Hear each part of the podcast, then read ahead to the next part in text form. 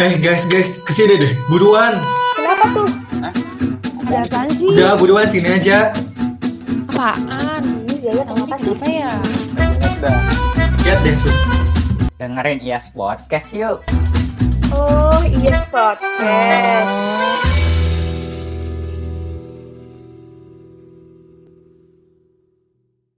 Halo Farms, balik lagi bareng gue ya ya di iPod episode ke-20. Wah, nggak kerasa banget ya, kita udah ada di episode ke-20.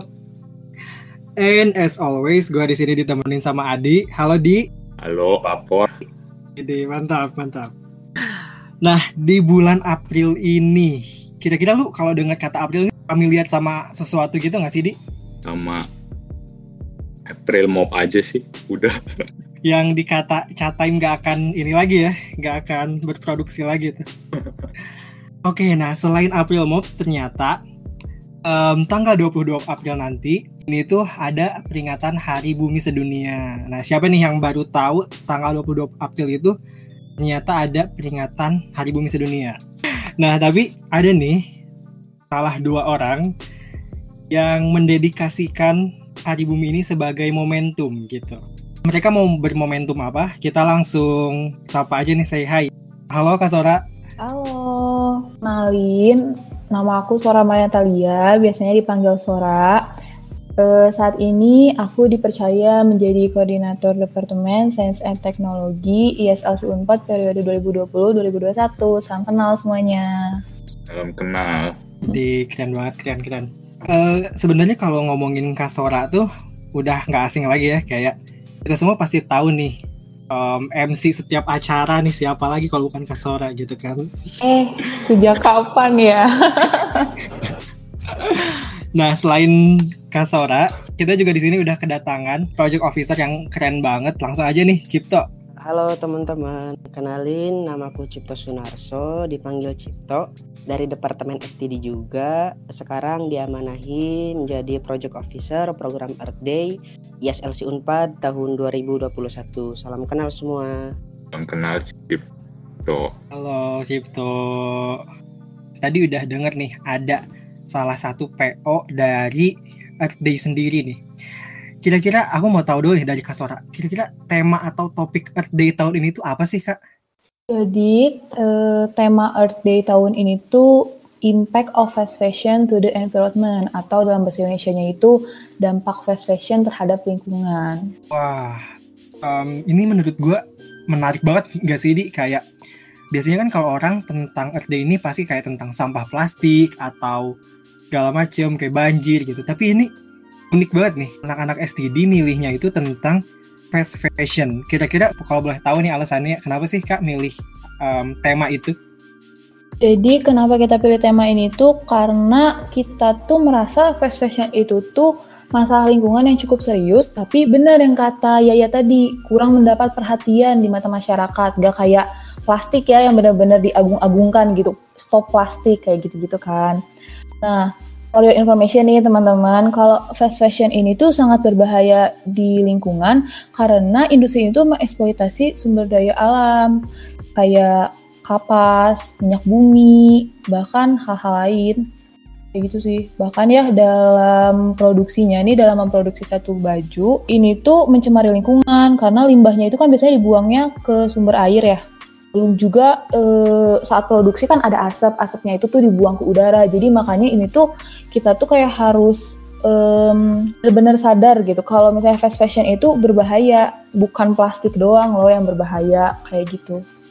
Kalau dari tadi dengar dari sekilas penjelasannya Kak Sora ini membahayakannya ternyata bukan cuman air doang ya tapi berimpact ke udara bahkan mengerembet ke yang hal-hal lain juga. Iya, betul. Ke sampah juga merembet karena kan gak kayak sampah organik ya. Baju tuh kan susah ya mengurainya.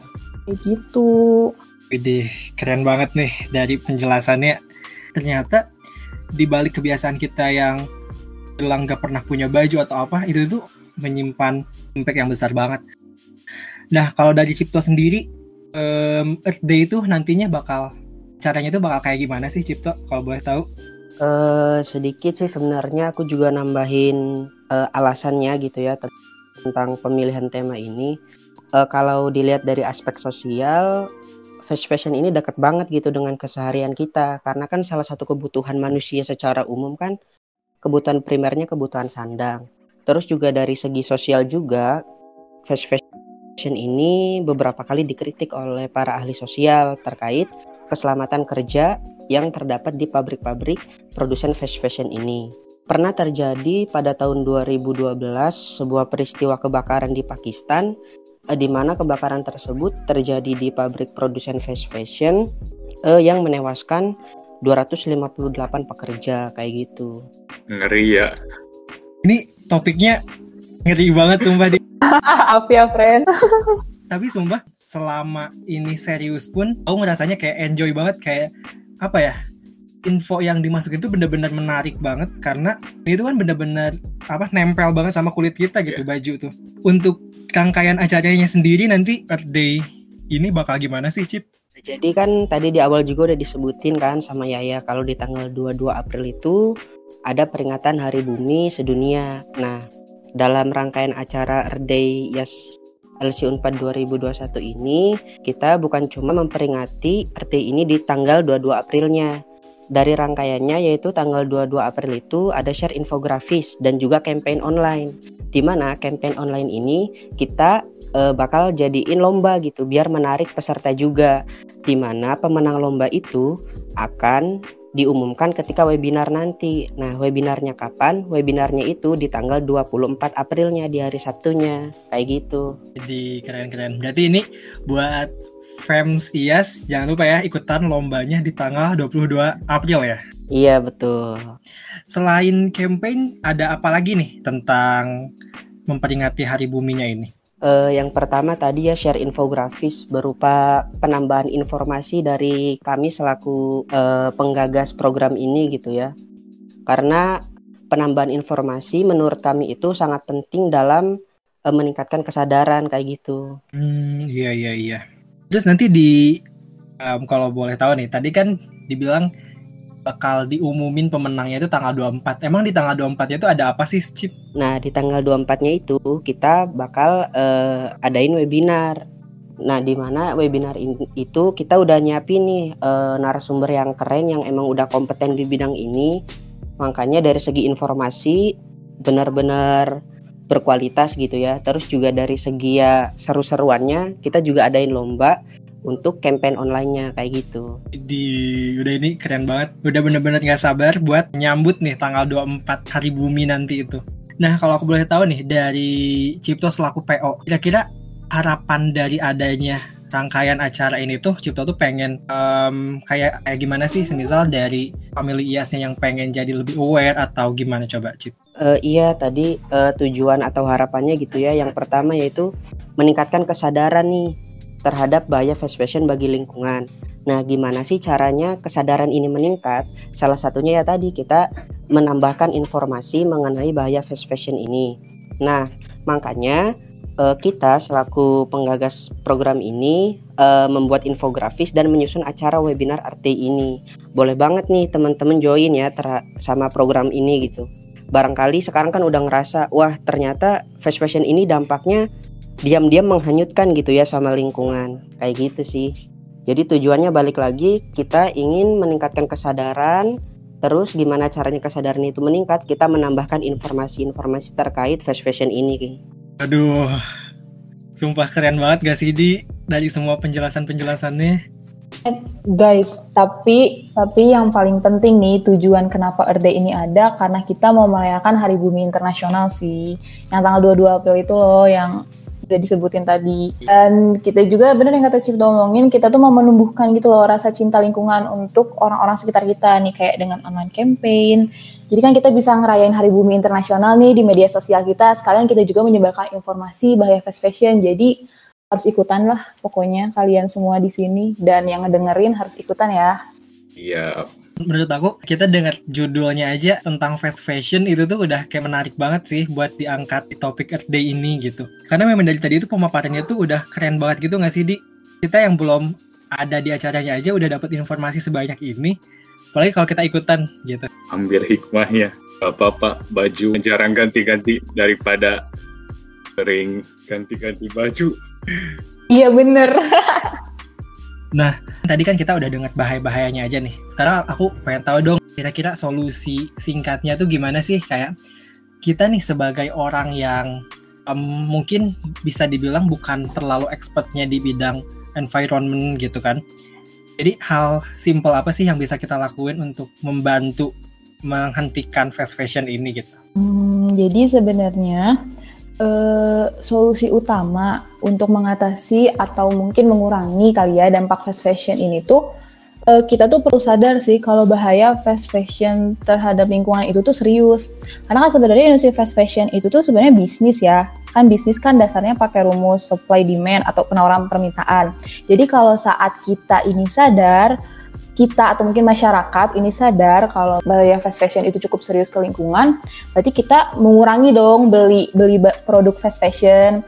Kalau misalnya udah berkurang, berarti nanti dari perusahaannya itu sendiri pun akan mengurangi produksinya juga. Nah, jadi itu akan mempengaruhi sih uh, untuk mempengaruhi dampak negatif dari fast fashion itu sendiri.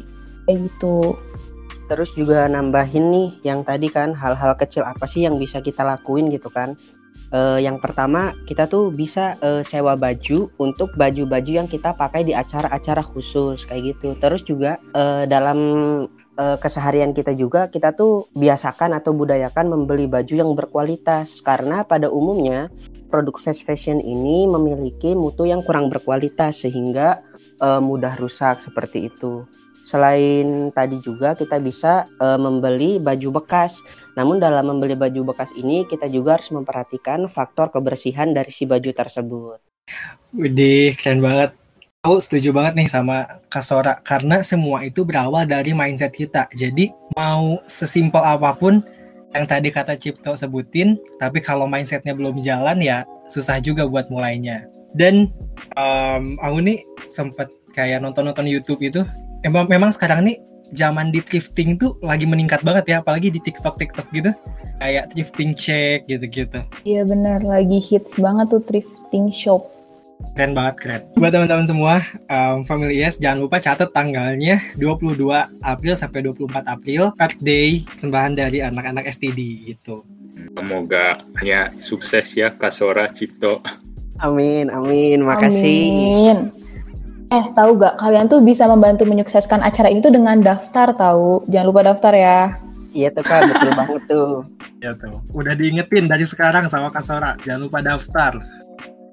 Setelah mendengarkan jelasan mengenai Earth Day, ada beberapa rekomendasi musik yang bisa bikin kita mungkin lebih cinta dengan lingkungan dan tanaman. Pertama ada lagu Earth dari rapper Amerika Lil Dicky menampilkan vokal lebih dari 30 artis dan selebriti mulai dari Ariana Grande hingga Justin Bieber.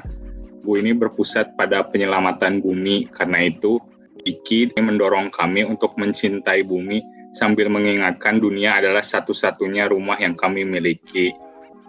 Lalu ada juga lagu Different World yang dibawakan oleh Alan Walker with Sofia Person 2091 dan Forsake. Ini memiliki tema yang berbeda dari tema-tema lagu Alan Walker sebelumnya karena tema ini kaitan dengan lingkungan. Dan Alan Walker menyuarakan pendapatnya mengenai kondisi bumi yang sedang tidak baik-baik saja karena banyak kebakaran hutan, polusi udara, dan ketersediaan air bersih yang semakin menipis. Lalu selanjutnya ada album Under Fantasia dari Mort Garson. Album ini diciptakan untuk didengarkan oleh tanaman dan menghadirkan komposisi musik scene dengan Tizer Mood yang menyejukkan dan menggemaskan, tapi juga memiliki nuansa mistik tersendiri ketika didengarkan seakan akan kita diajak merasakan bagaimana menjadi tanaman. Nah, album ini benar-benar cocok buat Milias yang